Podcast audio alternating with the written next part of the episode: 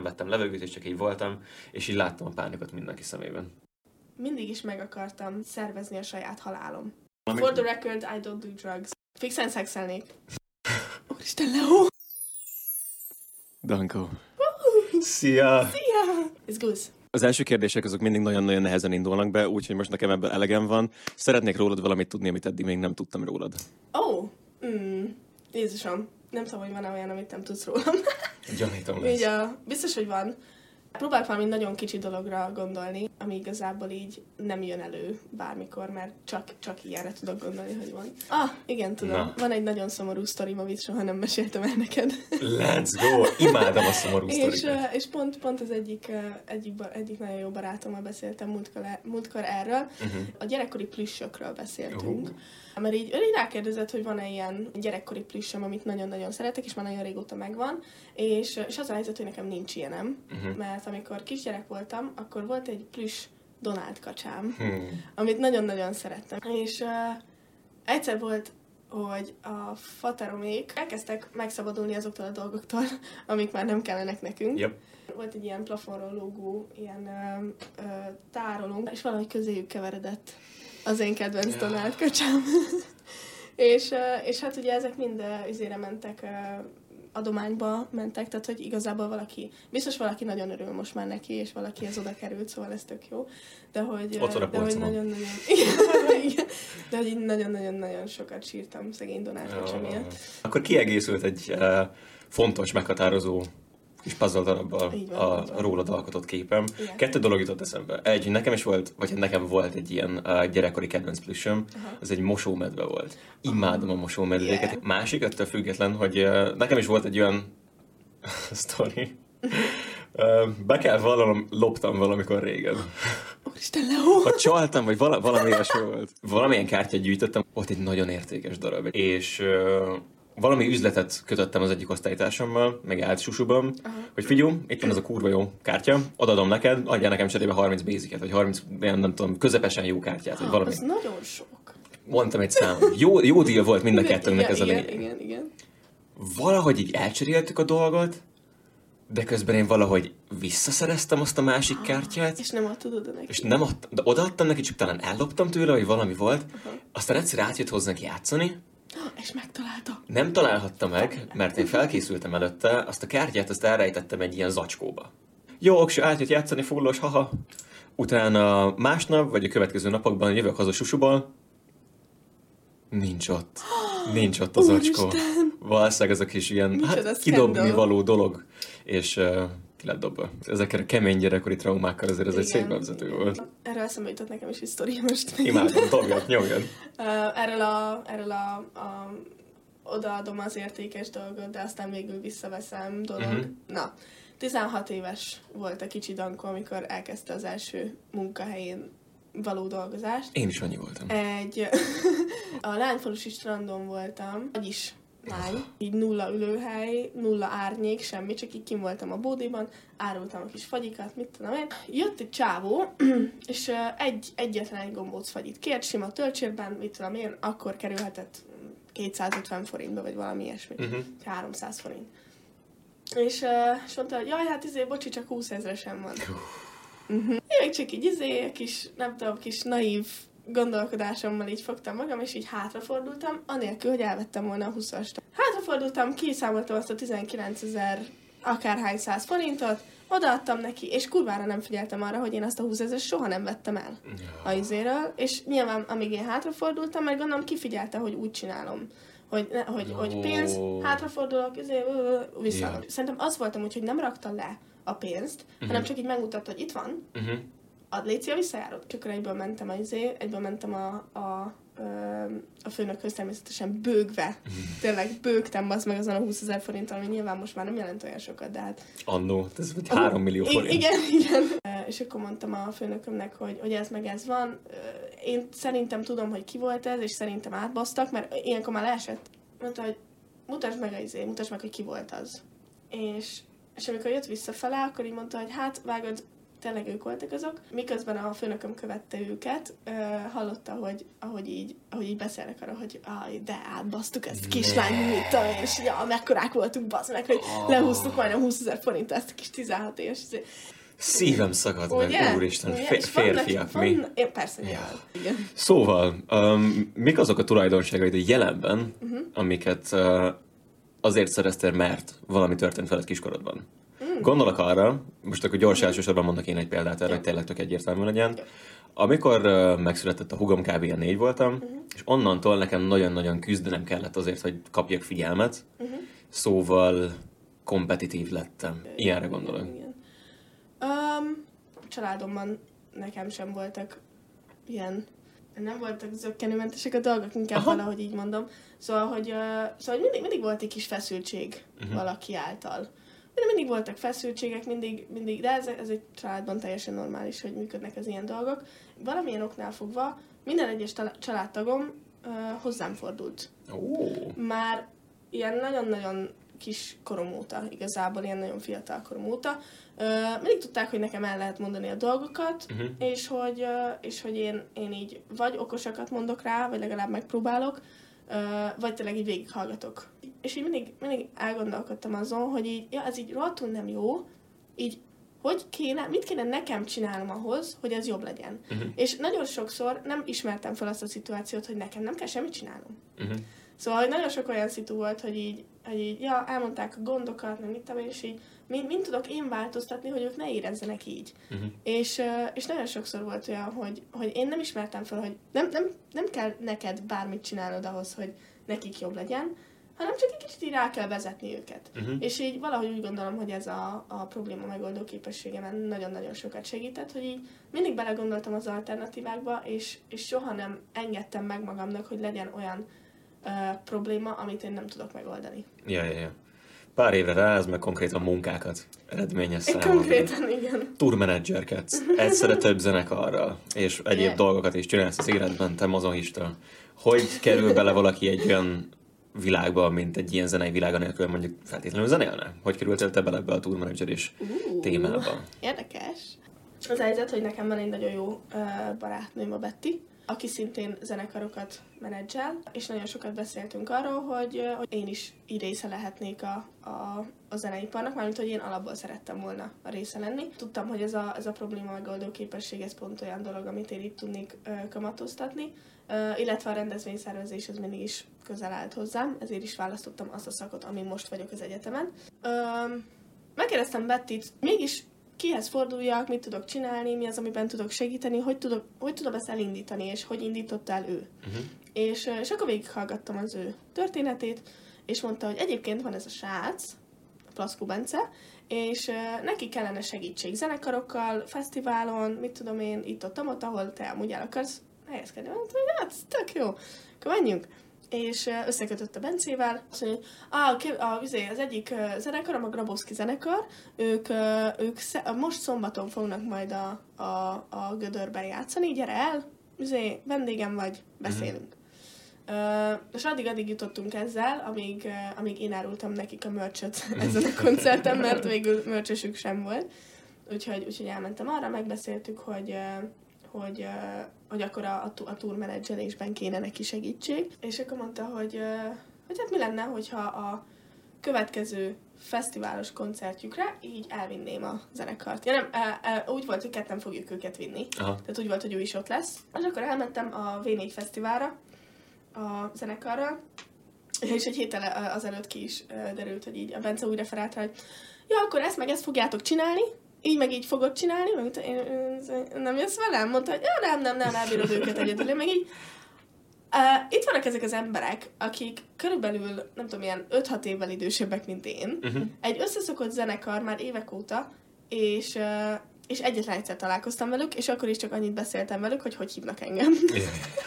De így lehoztuk. Igazából tök jó volt, nagyon-nagyon élveztem csinálni. Szerencsére a srácok is nagyon meg voltak velem elégedve. Uh-huh. Onnantól úgy voltam vele, hogy na, hát ezt, ezt nagyon szívesen csinálom egész nyáron. És ugye ez is volt, hogy egy ilyen két-három ö, fesztiválos koncertre még én vittem a srácokat. Egy kis idő után ö, Bencének ugye nem csak ez az egy, hanem összesen három zenekara volt, és, ö, és akkor megbeszéltük a nyár végére, már fixre, hogy akkor én átveszem tőle a Grabowskit uh-huh. ö, teljes mértékben, és én leszek a menedzserük. Szinte egy, szinte egy hatalmas nagy lépés volt egyébként, és így nem gondoltam, hogy valaha így fel fogja ajánlani, vagy bármi.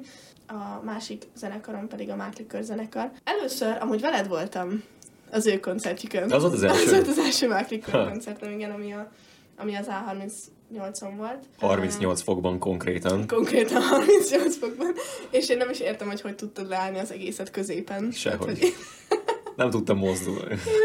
Nem volt, nem volt helyem összeesni. Igen, amúgy ez teljesen jó, és nagyon-nagyon sokan voltak, ez egy nagyon jó koncert volt. Én ott hallottam először őket, és tudtam, hogy hatalmas egy potenciált látok ebben a zenekarban, és azt is tudtam, hogy nagyon-nagyon jó fejsrácok, Mhm. uh, úgyhogy felajánlottam nekik, hogy, uh, hogy velük is nagyon szívesen dolgozom együtt, szerencsére ők is elfogadták, és azóta így dolgozunk mindenféle izgalmas dolgon. Pont azt uh, beszéltem uh, az egyik nagyon jó barátommal, hogy a mostani időszak nem volt olyan, mint amilyenre én, én szerettem volna, hogy, hogy legyen, Mhm. uh, mindenféle különböző indokból, és ezért úgy gondolom, hogy, ö, hogy sokkal kevesebb effortot tettem bele a zenekaraimba, mint amennyit tehettem volna, és ezt nagyon-nagyon sajnálom, és, és ezen majd változtatni fogok nyilván, csak most kicsit vannak olyan körülmények az életemben, amik nem engedik meg, hogy azzal foglalkozzam, amivel ténylegesen szeretnék, hanem egy kicsit így ö, átveszi a, a, a, a stresszfaktort mindenféle más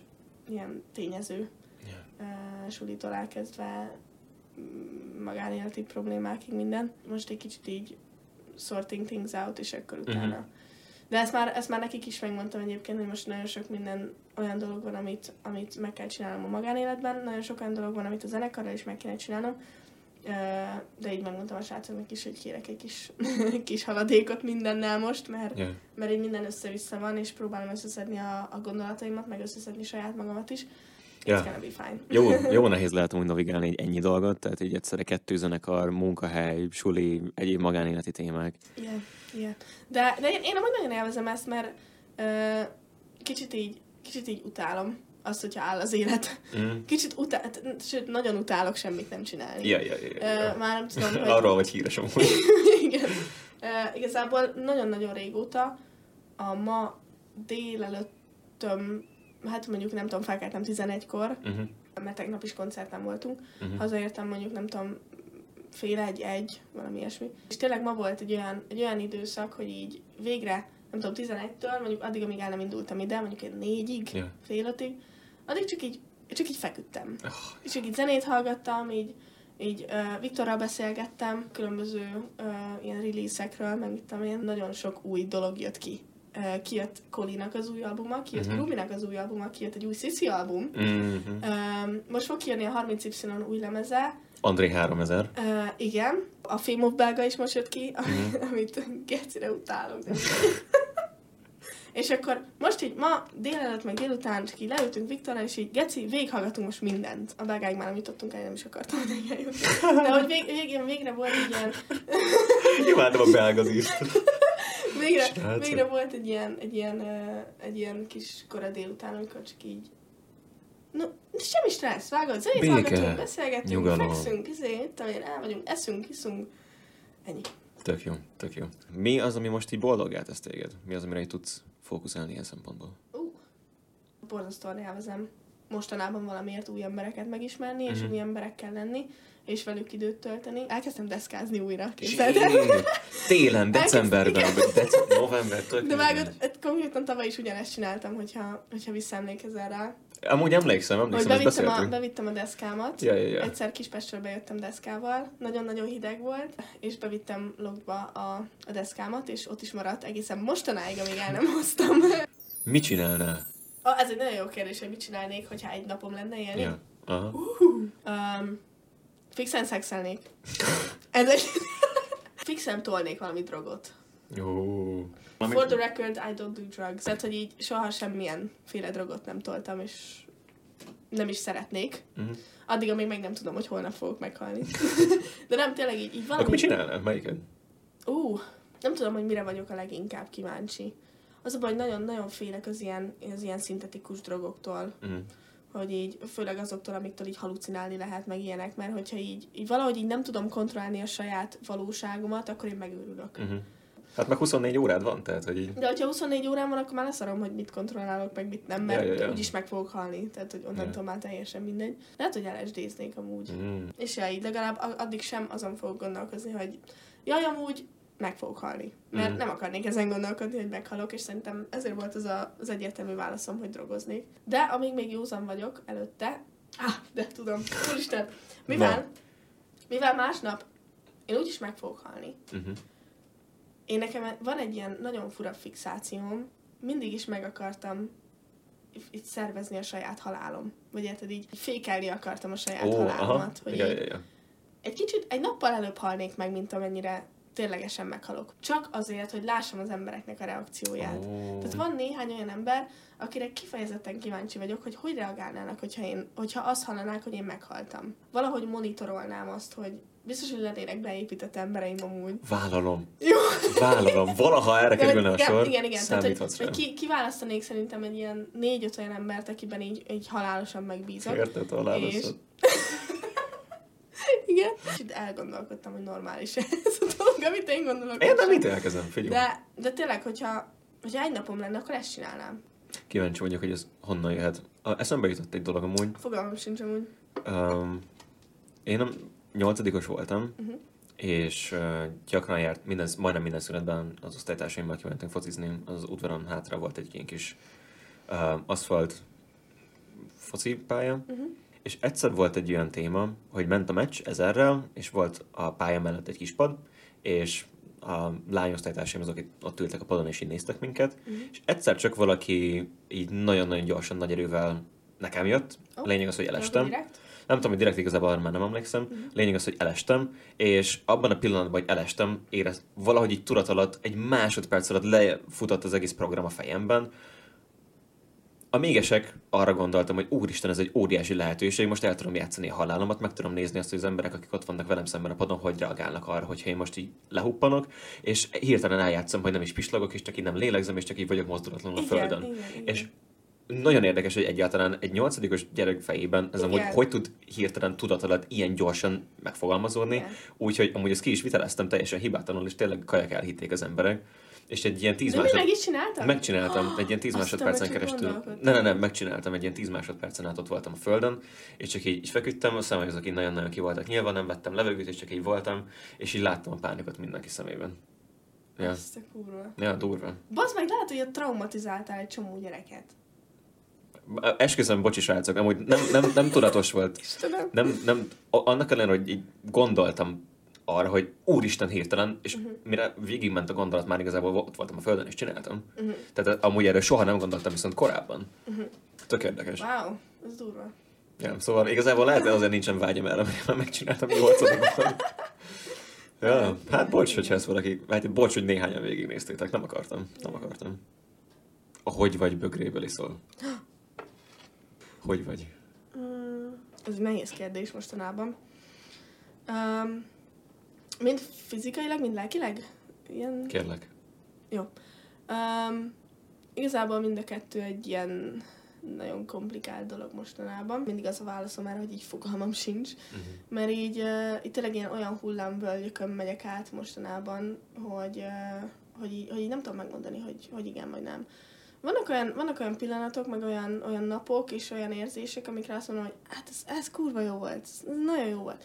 Aztán meg jön egy olyan nap, amikor csak így, csak így tényleg így végig tudnám sírni az egészet, és, és meg is teszem néha. Uh-huh. Sajnos nagyon belekezdtem mostanában egy ilyen önpusztító életmódba. Uh-huh.